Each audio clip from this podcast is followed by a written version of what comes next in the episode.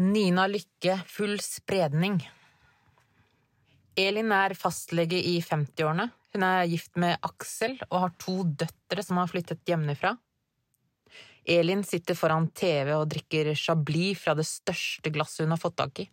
For det er jo kun ett glass om dagen som er regelen. Derfor har hun funnet det aller største glasset du kan tenke deg. Og det er rett og slett alt hun vil når hun kommer hjem fra jobb. Drikke Chablis og se på TV-serier. Og ektemannen Aksel, han løper. Og mens eh, Elin eh, en kveld ligger på sofaen med dette gedigne glasset Chablis og ser på en eller annen TV-serie, så ligger hun og scroller på Facebook. Og hun er ganske ny på Facebook, og hun har ikke fått med seg at forslag til venner er forslag til venner, ikke venneforespørsel eller noen som tar kontakt. Så hun trykker da med en gang når hun ser gamlekjæresten.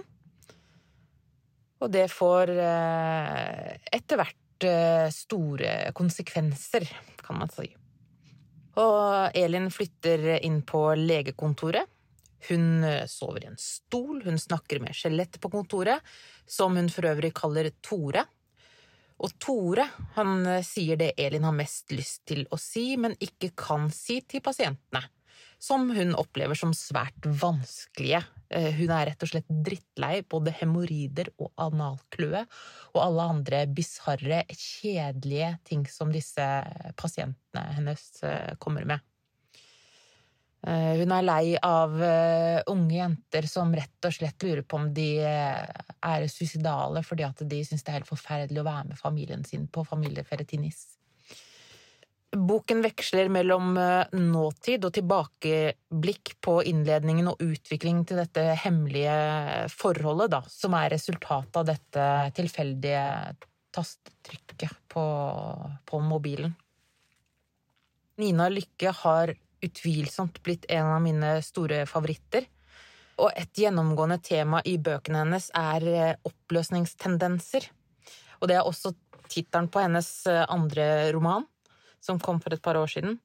Bøkene hennes er alle samfunnskritiske, de er morsomme, de er satiriske, og, og Lykke har en helt usedvanlig Hun har et så skarpt blikk, rett og slett på middelklassens jakt på meningen med livet, det være seg å få ny pers på Birken år etter år, en svimlende bankkonto, eller det å fremstå som perfekt på sosiale medier, eller rett og slett et totalt fravær av eh, ubehag. Etter Nei og atter nei, som er den første romanen hennes, og Oppløsningstendenser, som jeg nevnte var den eh, andre romanen hennes, så hadde jeg helt eh, enorme forventninger til eh, full spredning. Såpass at jeg tok kontakt med forlaget sånn at jeg kunne få boka som PDF-fil, for at jeg hadde så lyst til å prate om den fortest mulig, sånn at jeg fikk lest den fortest mulig. Eh, og det fikk jeg. Stor stas for en liten bibliotekar. Og den innfridde virkelig. Den er nesten skarpere, mer satirisk og morsommere enn de foregående romanene hennes, hvis det rett og slett går an. Eh, jeg kan også anbefale debuten hennes, som var en eh, novellesamling som heter Orgin og andre noveller. Den er også noe helt eget, og det gir en pekepinn om hva som, eh, som kommer senere i forfatterskapet, og den er virkelig en, en opplevelse. Hun har blitt rost opp i skyene ved hver utgivelse. Hun har blitt kjempepopulær, og ofte så gjør det meg litt skeptisk, eh, rett og slett. For ofte så er det helt uten grunn, eh, og det skal unngå å nevne eksempler på de som har eh, blitt det. Men av og til så er det også helt fullt fortjent. Rett og slett fordi det er helt fantastisk litteratur. Akkurat sånn som det er med Frante. Er de virkelig så bra som alle skal ha det til? Ja, de er det. Så bruk påsken på, å lese kan anbefales på det, på det aller, aller sterkeste. Tusen takk. Hei, og velkommen til Ullensaker biblioteks podkast, episode to. En påskespesial med boktips, dikt og påskeoppgaver. Siden alle jobber hjemmefra i disse tider og ikke kan ha det litterære møtet med dere direkte, så har vi gjort det sånn at hver av bibliotekarene har sendt sitt innslag hit til podkasten med hva de har mest lyst til å formidle. Det første innslaget du hørte, var fra Linn. Alle bøkene vi foreslår, er tilgjengelige digitalt. Det neste innslaget vårt er fra Lise. Over til deg. Hei, jeg heter Lise og jobber med markedsføring på Ullensaker bibliotek. Jeg fikk se at Ruth Lillegraven har publisert et nydelig dikt. Dette er andre dager. Diktet ligger på Nynorsk kultursentrum sine sider. Der kan du også høre Ruth Lillegraven lese diktet sitt selv. Ruth Lillegraven er kanskje mest kjent for sine diktsamlinger, men i 2011 debuterte hun med romanen Mellom oss. Den fikk jeg skikkelig lyst på å lese igjen etter at jeg hadde hørt dette diktet. Mellom oss er en gripende fortelling om hemmeligheter og dobbeltliv, og hva det gjør med en familie når man ikke snakker sammen. Vi beveger oss frem og tilbake i tid, fra 1940-tallet med motstandsarbeid i Oslo, nazistenes konsentrasjonsleir i Tyskland, 1970-tallet med sin EF-kamp, og frem til 2003. Her møter vi en familie hvor alle har fått sine egne kapitler i boka. Tonje er yngste generasjon. Hun lever et dobbeltliv som frivillig prostituert i Oslo. Farfaren, Jakob, overlevde fangenskap i Tyskland og preges av dette resten av livet. Svein, som er Tonjes far, forsvant sporløs i Chile før datteren ble født. For meg ble noe av spenningen ved boka å finne ut hva som skjedde med Svein. Hvorfor bare forsvant han? Og hva var det Jakob opplevde under krigen som gjorde at han nesten ødela både sitt eget liv og livet til de som sto han nær? Dette er en slik bok du ikke legger fra deg så lett, både mens du leser den, men også etter at du har lest den. Og det som er så fint, det er at denne boka finner du i e-bokappen til biblioteket, Bookbites. God lesing! God lesing, ja. Om du ikke allerede har Bookbites, så kan du laste den ned i AppStore eller i Google Play. Boka er ledig nå, så her er det førstemann til mølla. Vårt neste innslag er sendt inn av Guro, som har boktips til både liten, middels og stor. Hei, det er Guro her. Jeg tenkte jeg skulle driste meg til å komme med noen boktips til både barn, ungdom og voksne. Selv leser jeg fra alle aldersgruppene, for egen del og for mine barn. Når det gjelder barnelitteratur, så har et av mine barn elsket bøkene om Tambar av Tor Åge Bringsvær. Tambar, han er et lite troll og trollene må forkle seg som mennesker og leve i skjul, fordi menneskene frykter det som er annerledes. Disse bøkene er vanligvis ikke tilgjengelige digitalt, men i unntakstilstanden vi nå befinner oss i, er to av Tambar-bøkene tilgjengelige gratis via Salaby. Dette er et digitalt læremiddel fra Gyllendal. Bøkene er nydelig illustrert av Lisa Aisato, og I Salaby kan man både lytte til boka og lese den digitalt og se de fine illustrasjonene. Hvis du søker på Salaby på internett, S-A-L-A-B-Y, klikker deg inn på Salaby barnehage og videre inn på bibliotek, så finner du der en del god litteratur for de minste barna. Blant annet så finner du da to av bøkene om Lille Tambar. En annen liten perle som ligger der, er Odd er et egg av Lisa Aisato. Både skrevet og illustrert denne gangen. Denne boken handler om en engstelig liten gutt, og det er en veldig søt historie. Den er også nydelig filmatisert og ligger gratis tilgjengelig på hjemmesidene til NRK. Jeg liker nesten filmen bedre enn boka. Av Tor Åge Bringsvær kan jeg også anbefale bøkene om sjøormen Ruffen. Dette er en gammel godbit som holder seg godt. Ruffen-bøkene er flott illustrert av Tore Hansen. Og disse bøkene fins nok allerede i noen hjem, da de har vært i omløp siden 80-tallet. Kanskje har du noen Ruffen-bøker i en gammel bokhylle eller i en eske på loftet? Ellers er de å finne på Nasjonalbiblioteket sine hjemmesider. Søk på Nasjonalbiblioteket på internett. Trykk så inn Ruffen, og der finner du altså noen av Ruffen-bøkene. Når det gjelder ungdomslitteratur, så leser jeg Wundersmed, Morgans kall, den andre boken i denne serien. Wondersmith, som den heter på engelsk. Denne serien var, da den kom for et par år siden, spådd å bli den neste Harry Potter. Det har den ikke blitt, men for unge fantasy-lesere åpnes det definitivt en spennende, ny fantasyverden. Hovedpersonen Morgan selv er et forbannet barn, og hun skal dø den dagen hun fyller elleve. Da hun får en mulighet til å unnslippe den skjebnen, griper hun den selvfølgelig, og hun kastes da ut i et magisk, men krevende eventyr.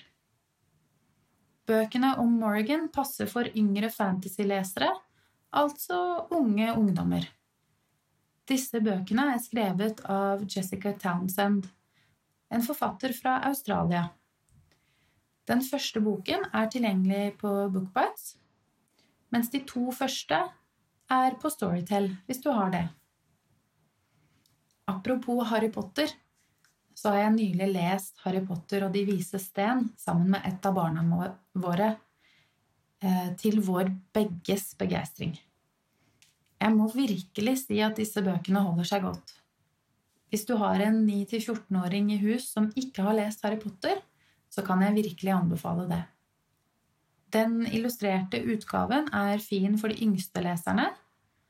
Harry Potter-bøkene ligger eh, som lydbøker på Storytel hvis du har den appen. Bøker for ungdom kan jo være så mangt. Denne kan leses både av eh, unge voksne, fra videregående eh, og oppover. Mange voksne leser den også. Det er eh, nemlig Tante Ulrikkes vei av Seshan Shakar. Den ligger som e-bok på Bookbites og lydbok på Storytel. Jeg lytter til den på lydbok, og jeg syns at den egner seg. Det gir en egen dimensjon å høre boken opplest av to ulike innlesere, den ene på ganske utprega kebabnorsk. Dette er en oppvekstroman fra Stovner, hvor vi følger to unge gutter med innvandrerbakgrunn. Av voksenlitteratur er noe av det beste jeg har lest det siste året, 'Byens spor' av Lars Saabye Christensen. Selv om jeg begynte på bok nummer to og ikke innså det før et godt stykke inn i handlingen. Men jeg begynte på nytt forfra og gleder meg nå til å begynne på den tredje og siste boken, nemlig Skyggeboken. Dette er altså en triologi, og vi befinner oss i etterkrigstiden på Oslos vestkant. Der blir vi kjent med og følger familien Christoffersen og deres skjebner i denne tiden. Forfatteren maler helt nydelige bilder av Oslo og samfunnet på den tiden. Det var alt fra meg for i dag. God lesing og god påske! Ja, absolutt god påske. I påsken så er det jo ofte sånn at man kan slite litt med hva man skal finne på på kveldene på hytta. Hvilke gamle spill man skal eh, hente fram. Um, I år så er det jo sånn at de fleste av oss ikke får vært på hytta, men så har vi jo desto mer tid å slå i hjel etter at alle har eh, sett seg lei på Netflix etter mange uker med sosial distansering. Eh, nå skal Janne gi oss et par tips fra bibliotekets mange quiz, gåte- og oppgavebøker. Hei! Nå som det nærmer seg påske, syns jeg det er moro med quiz, gåter, rebuser og lignende. Og selv om det kanskje ikke blir den tradisjonelle påskeskirenn i år, kan vi allikevel ha det moro hjemme også. Så hvorfor ikke lage noen oppgaver for store og små i familien? Her kommer jeg med noen gode forslag til dere. Hva med å lage anagrammer? Her stokker dere om på bokstavene i et ord, og de andre må prøve å finne ordet. For eksempel monstrøs er lik snøstorm. Kiosk åpen er lik kinopåske. Lemskro er lik solkrem. Eller hva med Hvem er jeg-oppgaver? Jeg har ikke bein og alltid kald. Likevel kan det ikke bli for kald for meg. Jeg bærer huset inni meg. Jeg jobber dag og natt og klager når jeg er arbeidsløs. Jeg blir ødelagt bare du nevner meg. Eller hva med dyreoppgaver? Det er alltid morsomt. Hvilken fugl tar syv meter lange skritt? Hvor mange hjerter har en meitemark? Hvor mange tenner har en maursluker? Man kan også ha spørsmål med alternativer. For eksempel, etter et solid måltid kan en stor kvelersslange unnvære mat i seks uker, seks måneder eller seks år. Også flue har smaksløker. Hvor er de? I snabelen? På spissen av bakkroppen? Eller i fluens føtter? Eller Kanskje oppgaver om påsken? Hvorfor er fargen gul så vanlig i påsken? A. Gul er solen og er lysets farve og minner om at solen kommer tilbake. Eller B. Gult er kult. Eller C. Gul er fargen på eggeplommen og påskeliljene. Eller hva med fleip- og faktaoppgaver? Hannpingvinen ruger også på eggene. Urbane frosker kvekker annerledes enn frosker i skogen. Pandaen går i dvale om vinteren. Eller hva med fullfør sitatene? Små gryter har prikk, prikk, prikk.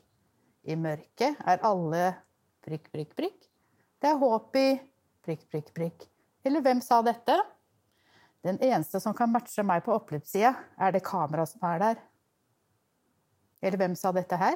Gjort er gjort, spist er spist. Eller kanskje dere kan fullføre sanger? Jeg er katta sorte bil fra Søte karameller små er det beste vi kan få, også det som vi får nå. Det er flaut, det er flaut, det er flaut, flaut, flaut å bare kunne spise. Jeg har funnet mine oppgaver i forskjellige bøker vi har her på biblioteket og på nettet. Så hvis du lurer på svarene, kan du jo prøve å finne de selv, eller så svarer vi deg gjerne etter påske. Så vil jeg avslutte med et dikt som har vært litt mitt yndlingsdikt i mange år. Det er skrevet av Georg Brandes. Han var en dansk dikter, forfatter, litteraturforsker og kritiker som levde fra 1842 til 1927. Dagen i dag. Dagen i dag er en merkelig dag. Den er din. Dagen i går slapp deg ut av hendene. Den kan ikke få annet innhold enn det du alt har gitt den. I dagen i morgen har du ikke noe løfte på, du vet ikke om du kan regne med å råde over den, men dagen i dag er den eneste du kan være sikker på. Den kan du fylle med hva du vil. Benytt deg av det. I dag skal du glede et annet menneske. I dag kan du hjelpe en annen. I dag kan du leve slik at du i kveld er glad for at du er til. Dagen i dag er en betydningsfull dag. Den er din. Jeg ønsker dere en god påske og håper vi ses så fort den er over. Ha det! Det håper jeg òg. Nå skal vi tilbake til Linn igjen, denne gangen for litt poesi samt flere anbefalinger. For en del år siden så hørte jeg en sang eh, helt tilfeldig. Husker ikke helt, eh, helt hvor. Og det var en setning som festet seg. Det var noe som Kan eg få vegrett heim til det? Du skal få bruksrett på heile med og jeg kan smile og bli forbanna, etc., om ikke annet. Og senere i sangen så synges det noe som om uh, selvstyre i aleneland. Og det, det, var så enkelt, og det var så vakkert. Og jeg festa meg ved det med, med en gang og sjekka opp, og dette var da Stein Torleif Bjella sin sang. Der han synger om at uh, kjærligheten gjør han sjuk. Uh, I 2017 så dro Riksteatret rundt med forestillingen 'Kan noen gripa inn'. Scenen var en togstasjon der flere karakterer fra Bjellas sanger sanger møtte Lasse Kolsruds fantastiske regi, og, og skapte et så mørkt og av og til eh, morsomt univers, der vi ble kjent med bygdefolk som kom på stasjonen. Og alt gjennom Bjellas sanger, eh, som, som alltid er fylt av savn, hevn, lengsel, fylte da disse personene som ulike karakterene som kom på stasjonen. Forestillingen var fantastisk vond og vakker og nydelig. Og det som på en måte kjennetegner hele Bjellas diskografi, og også den uh, diktsamlingen som jeg skal snakke om, det, det, er lengsel, altså. Rett og slett lengsel om å komme ut eller komme hjem, eller begge deler. Rett og slett. Og for å sitere Bjella, kjærleiken er ikke noe enklere på bygdu. Den nevnte diktboken som Bjelle har eh, gitt ut, heter Jordsjuk-antologien nummer én. Den er rett og slett en liten perle av en uh, diktbok, syns jeg. Og det er egentlig ikke så overraskende heller. Uh, for sangteksten hans er jo dikt som jeg syns står trygt for seg selv uansett. De er så gode, de tekstene. Men og samtidig så skulle det nesten bare mangle, for det i seg selv bør være, syns jeg, en type krav til, eh, til, til sanger, til tekster i sanger. Men det kanskje sier mer om meg. Men han er heller ikke den første som gir ut et dikt. Og han har også senere satt musikk til eh, diktene.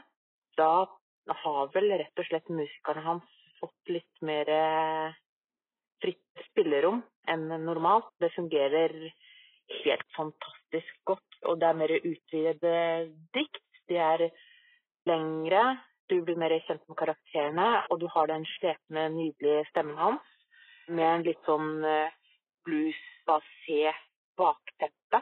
Med en fantastisk gitar og en nesten enda bedre kontrabass. Det kan virkelig eh, anbefales. Jeg tenkte jeg skulle la tekstene prate litt for seg selv, og lese opp to dikt fra Jordsjuk-antologien og en sang fra albumet 'Heim for å dø'. I Jordsjuk-antologien I Jordsjuk-antologien sanker jeg hemmelig liv uskrivne regler og fadermord, sammenhenger og vendepunkt. Til slutt handler det om dette. Hører du til meg, eller hører du til her? Jeg selgde grunnen til hyttefolket. Jeg selgde grunnen til hyttefolket. Jeg sikkerte hyttene til hyttefolket. Jeg brøyta snøen, jeg vaska gulvet. Jeg kjente hyttefolkets hemmeligheter, gardinfarger, familiefoto, lesestoff, hygiene, vin og matmak. Så organiserte de seg. Hyttefolket var til velforening. Forretningsfolk og advokater pressa meg fra skanse til skanse. Jeg ble husmann på egen grunn. Nå møtte jeg de falske smil når jeg kom for å brøyte og fikse stikkrennene.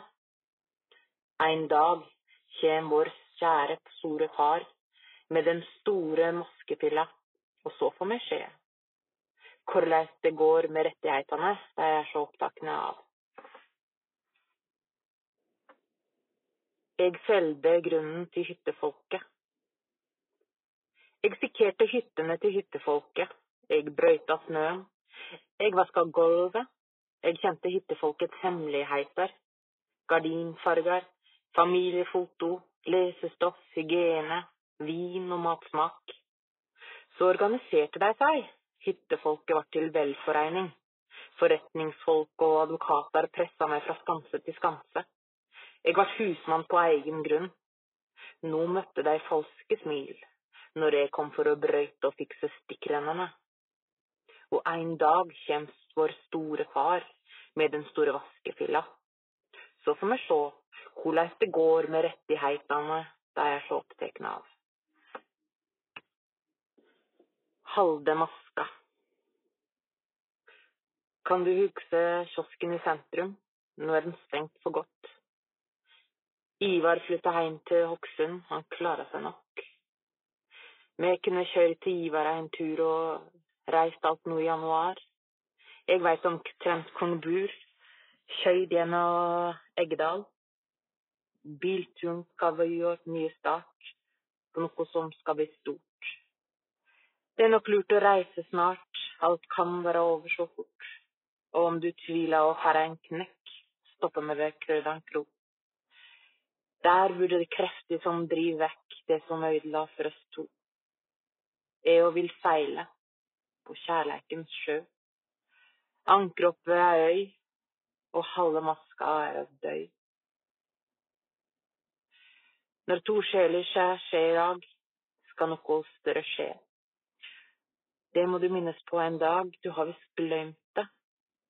Å prate mens bilen går, var en gang vårt trøstfordriv. Nå er jeg lei stille år, og jeg er lei hemmelig liv.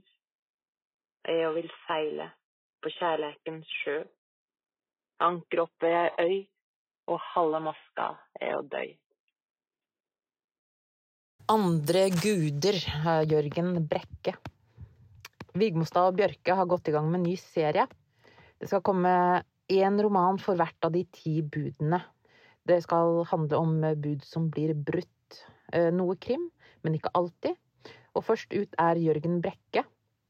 Og Brekke kjenner iallfall mange av oss best fra bøkene om politietterforsker Odd Sinnsaker i da Brekkes eh, krim, krimserie om eh, nevnte politietterforsker. De kan også absolutt anbefales. Vi befinner oss i en eh, fiktiv by et eller annet sted på det som må være Sørlandet, og det aller, aller tjukkeste bibelbeltet. Der det er på sitt aller, aller bredeste. Linda som vi møter, er med i den kristne menigheten, eller sekten, som heter Guds bud. Hun er, eh, blir presentert som vakker, og vi får inntrykk at hun er veldig opptatt av pastoren, og at de har en eh, form for historie. Og Jonny, han er eksnarkoman som har flyttet ut i skogen og begynner å få orden eh, på livet sitt i sin ensomme tilværelse i et lite, lite hus langt, langt inne i skogen. Peter Isaksen er pastor og leder av Guds ord. Han er en sterk personlighet, veldig karismatisk. Eh, typisk litt stereotyp pastor, med alt det innebærer. Boken starter med at Jonny kommer hjem til lille huset i skogen. Han er oppbrakt, og han er full av blod. Og der startet det altså. Eh, dette er et uh, trekantdrama. Vi ser bakover i tid, og Linda og Jonny har sine egne kapitler der de har fortellerstemmene. Og sakte, men sikkert så ser vi konturene av hva som har skjedd, men ingenting er som man tror. Boken er eh, kort, den er lettbent, den er kjapp å lese, og det kunne fort blitt litt for enkelt med predikant ung jente tilsynelatende fascinert av pastoren, og denne eks-narkomanen som eh, er nykristen og etter hvert eh, tungetalende. Men det er ikke så enkelt. Det er skjulte agendaer, det er overraskende vendinger, og det hele nøstes mesterlig opp, spør du meg. For meg så virker det som Jørgen Brekke har eh, kost seg, rett og slett, med et sånt litt uh, nytt uh, avbrekk. En liten pause fra Odd sin saker, som mange er glad i. Og med denne boken, jeg, jeg synes rett og slett at det er ekstra stas, det er ekstra gøy og annerledes og rett og slett ikke ha det minste sympati med en eneste av karakterene. Dette er eh, god krim. Det er helt sikkert fantastisk god påskekrim. Og jeg er veldig spent på, på de neste ni, eh, ni bøkene. Nå som eh, alle må ta i bruk det digitale tilbudet samtidig, så er det kanskje sånn at det er stort press på de nye utgivelsene. Så hvis eksempel Andre guder av Jørgen Brekke er utlånt, så har Lena noen gode forslag til hva du kan prøve mens du står i kø på den. Hei, jeg heter Lena og jobber som bibliotekar. Kanskje du akkurat denne påsken skal finne fram en av de gamle klassikerne? De som er en del av vår felles kulturarv og mange kjenner til, men som kanskje ikke så mange likevel har lest. Tenker du nå på kjedelige bøker som var pensum når du gikk på skolen, og som ble lest av plikt, eller er det en bok som gjorde inntrykk på deg, som det hadde vært gøy å lese på nytt? Uansett, det finnes så mange fortellinger som er så godt skrevet at de fortjener å leses igjen og igjen, og formidles videre til nye generasjoner. Kanskje står en av disse klassikerne hjemme i bokhyllene dine allerede? Titlene er mange, både norske og utenlandske forfattere. Hva med bøkene om Kristin Lavransdatter av Sigrid Undset, Kransen, Husfrue og Korset? Trilogien som førte til en nobelpris i litteratur og stor anerkjennelse for forfatteren. Kun to kvinner hadde da fått denne prisen tidligere. Undset hadde et helt fantastisk forfatterskap. Den første i trilogien, Kransen, tror jeg var den første klassiske voksenromanen jeg leste, og den gjorde inntrykk. Siden har jeg lest den på nytt, kanskje sånn hvert tiende år, og noe nytt dukker opp hver gang. Boken endrer seg på et vis i takt med at jeg blir eldre. Ved første lesning i tenårene var det kun Kristins intense forelskelse som var opplevelsen for meg. Jeg var fullstendig oppslukt. Siden har nye dimensjoner tatt mye større plass. Kristins tro og tvil, hennes ytre og indre konflikter, forholdet hun har til foreldrene og deres samliv, og sorger seg imellom. Ja, alt det hennes kjærlighet til Erlend egentlig kostet henne. Noe nytt åpner seg hver gang.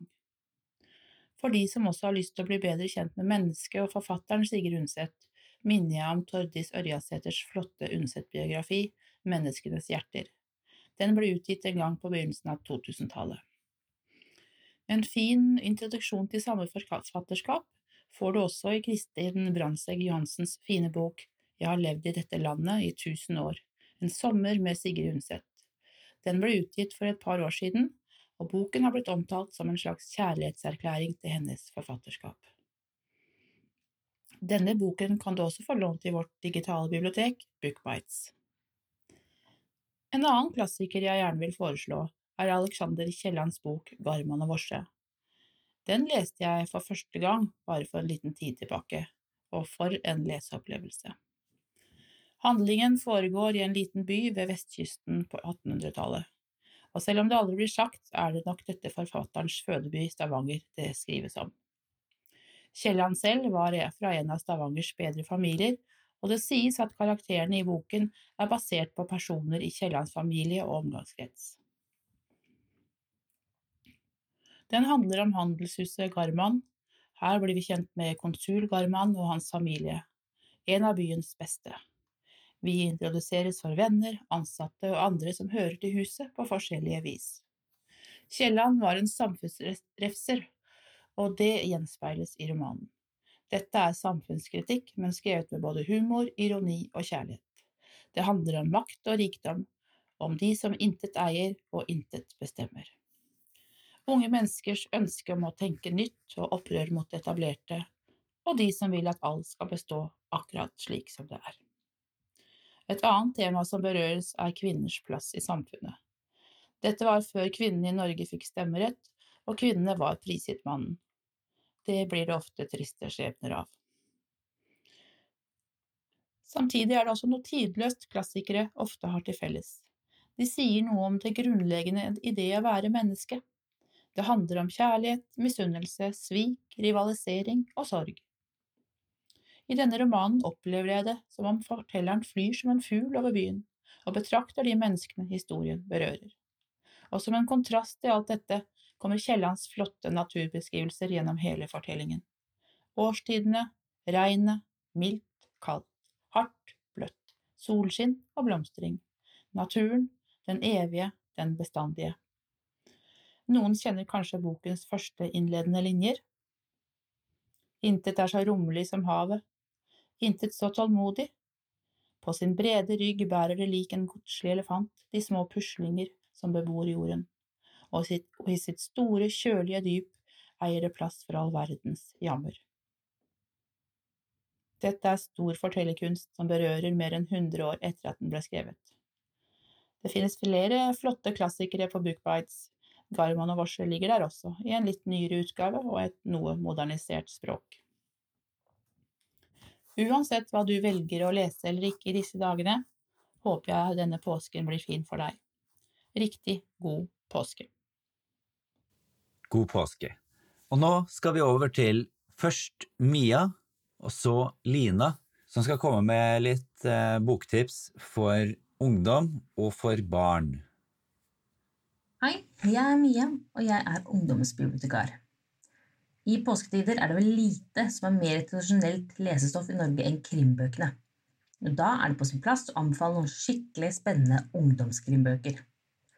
Tom Egeland har sikkert folk flest hørt om, og kanskje har dere allerede lest en av bøkene hans med arkeolog Bjørn Beltø i hovedrollen.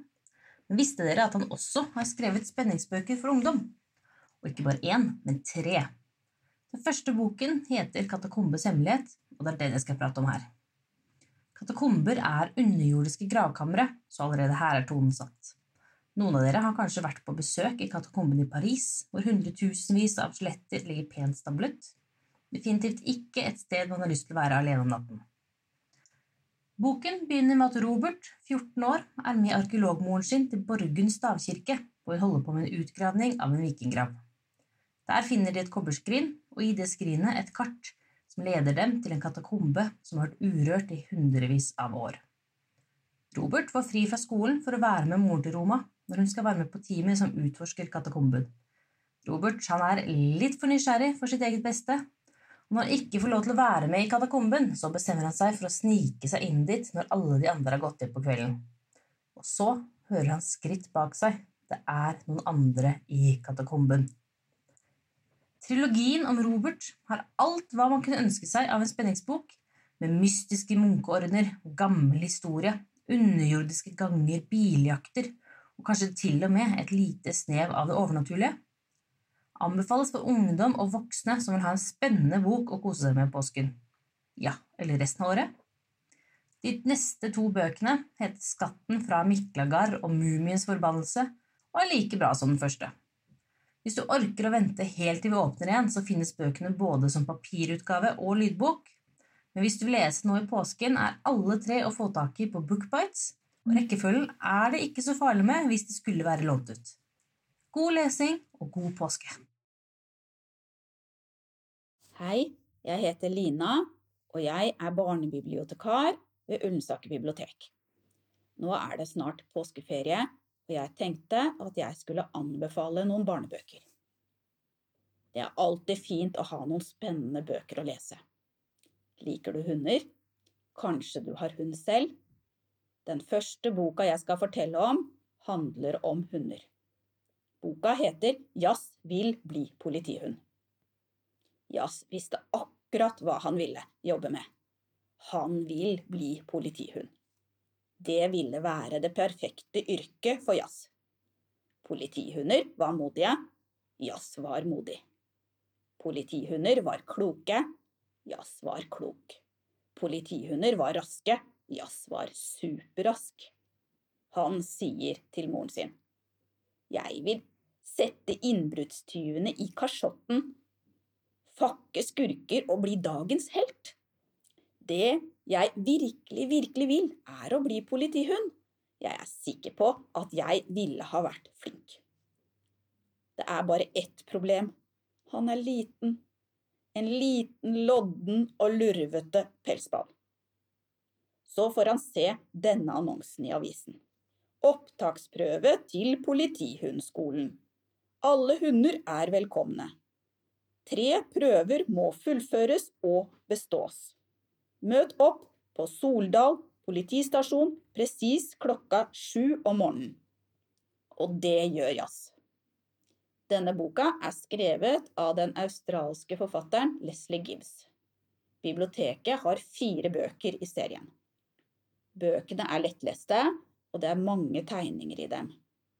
De passer både å lese selv og til høytlesning for alle som liker hunder og mysterier. Bøkene passer for barn fra sånn ca. seks år. Og de er tilgjengelige på Bookbites og kan kjøpes både på lyd og som vanlig bok. Noen andre fine detektivserier for barn, det er Detektivbyrå nummer to av Jørn Lier Horst, Lasse-Majas detektivbyrå av Martin Widmark og Dyrehagedetektivene av Mona Grivin Nordmann. Den andre boka jeg skal fortelle om, heter Tåkedis. Den er skrevet av Frode Eie Larsen i samarbeid med Dag Otto Lauritzen. Etter en treningstur på sykkel med faren finner Hanna ei rød herrejakke som ligger og dupper i vannkanten. I lomma ligger en mobiltelefon som ikke virker, et nøkkelknippe og en våt 500-lapp. Hun får med en gang på følelsen at det er noe som er galt. Hvem er det sin jakke? Tenk om han allerede er drukna? Faren, som er politimann, sjekker, men ingen er savna. Hanna og kameraten Einar begynner å undersøke saken. Folk i den lille byen er mest opptatt av de amerikanske investorene som planlegger en gigantisk utbygging av nye boliger, idrettsanlegg og hotell. Noen er for, og noen er imot utbygginga. Men hva har skjedd med han som er den mest ivrige motstanderen? Dette er en spenningsbok for de litt eldre barna, fra sånn ca. ni år og oppover. Den handler om mot, nysgjerrighet, vilje og vennskap. Dette er nok tenkt å bli en serie, men det er foreløpig bare denne ene boka som er tilgjengelig i Bookbites og i bokhandlene. Noen andre spenningsserier for litt eldre barn er Clue-serien av Jørn Lier Horst, Blålys-serien av Hanne Kristine Rode, Krimteam Siri og Max av Lars Mæle og bøkene om Artemis Fowl av Eoin Kolfer. Tusen takk for de tipsene. Og til slutt så vil vi runde av med noen vakre dikt fra Eli, bibliotekets sjef. Hei, jeg heter Eli Kristin Salikat Wilhelmsen og er biblioteksjef i Ullensaker kommune. Jeg har lyst til å lese tre dikt for dere.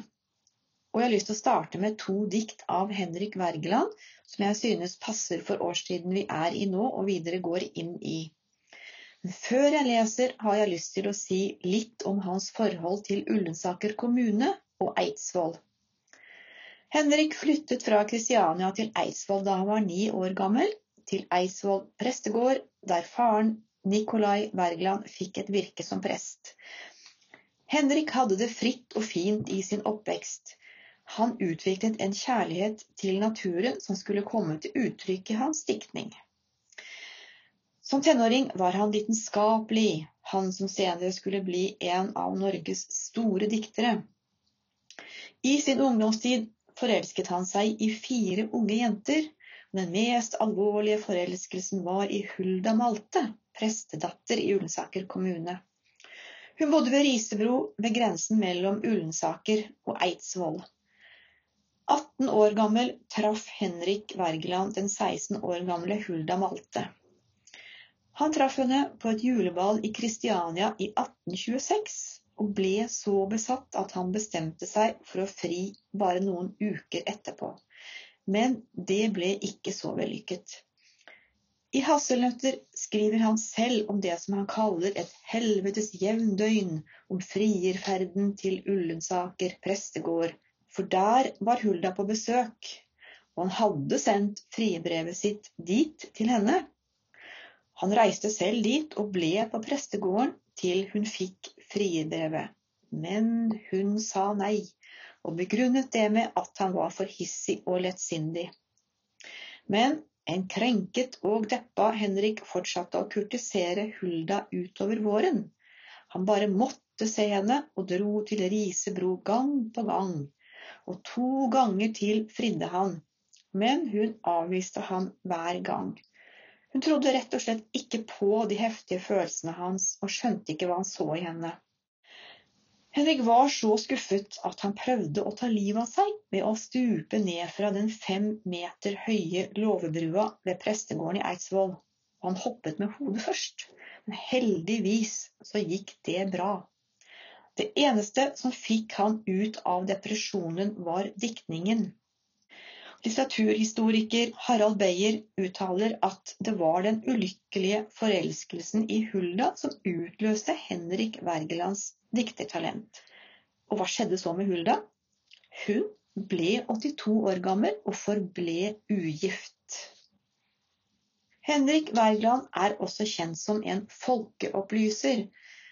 Han synes befolkningen var noe uopplyst, og syntes også at bonden i Ullensaker var både dorsk og uvitende, og arbeidet for å få opprettet eh, leseselskap rundt omkring i Norge. Og i 1832 så ble det opprettet et sogneselskap, et Ullensaker sogneselskap, som skulle fremme folkeopplysningen og også ta seg av bondens ve og vel. Og dette er nok mye takket være hans frihet under oppveksten, som hans far Nikolai ga han. Nikolai var en av de viktige mennene på Eidsvoll i 1814. Men som jeg sa innledningsvis, var Henrik glad i naturen, og han skrev også dikt om natur og for barn. Og her er to av dem. Det ene diktet heter Fuglene. Ørnen er en fuglekonge, den har et farlig ry. Blod smaker best dens tunge, den svever over sky. Så synger snille Henrik fra Eidsvoll prestegård og lærer oss om fuglene i fine skogen vår. Og papegøyen sladrer om alt, ditt og datt. I dammen snadrer anden, den braker ingen mat. Svarte kråka stjeler i furen spilte ert, men vanskelig kan man telle de mark den har fortært. I luften synger lerka, bokfinken i et tre. På vannet gynger svanen sin varm, så hvit som sne. Så synger snille Henrik fra Eidsvoll prestegård og lærer oss om villfugl og fugl i parken vår. Og hanen vekker lathans med røst som en trompet, og mor si høne klekker et egg hver morgen ett. Hvor mange snes forresten er ikke lettvint sagt. En kunne nesten si det slik at penger den har lagt. På taket hermer stæren, den hermer hva den vil. Sin hytte bygger skjæren av pinner i en pil. Men skogens syngemester er taletrosten nok han i det lille hodet sitt har jo en notebok. De synger alle fugler, men hver på eget vis. Selv gamle kirkeugle vil synge Herrens pris. Så synger snille Henrik fra Eidsvoll prestegård og lærer oss om fuglene i fine skogen vår. Så hadde jeg lyst til å lese et lite barnedikt som heter Sommerfuglen den prektige sommerfugl er fløyen fra Guds hånd. Han ga den gylne vinger og røde purpurbånd. Han lærte den å flyve høyt, høyere enn jeg er. Den har nok fuglens lyster, men ei dens dun og fjær. Og alle verdens mennesker og alle kongebud, ei kan gjøre en sommerfugl, det alene kan Gud. Det var Henrik Wergeland.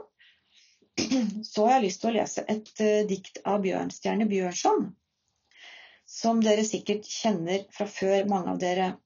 Og det heter 'Jeg velger meg april'. Om dette diktet er det sagt at første gang det ble trykket, så var det i en dansk kalender som het Suvenir, for året 1869. Og det fortelles at da Bjørnson ble bedt om å skrive et vers til denne kalenderen, var alle månedene allerede opptatt, bortsett fra april.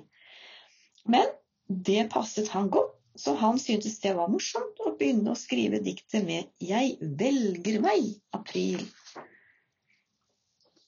Og det lyder slik.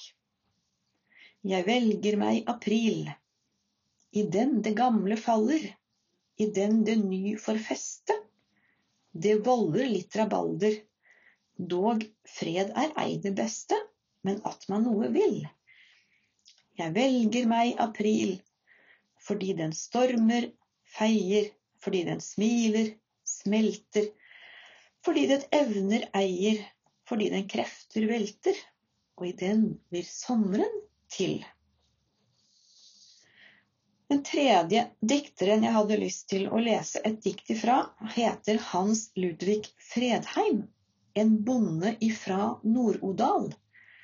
Han har skrevet et vakkert dikt som heter Stønna. Ta vare på stønna, slepp ei når jeg banker på. Rød plass åt døkk midt i søkna, for stønna er her og nå. Lea setta seg litt nedpå, uansett åssen det er. Noe har hun å gi deg, det er derfor hun er her. Ta godt vare på stønna, og takk for den tida hun satt. For akkurat denne ene, hun kommer aldri att. Du trodde lenge at stønna var noe du skulle få, bare du en gang ble ferdig med det du dreiv på med nå. Du fikk aldri tid til å åpne de ganger hun banker på, og skjønte for seint at stønna støtt er her og nå.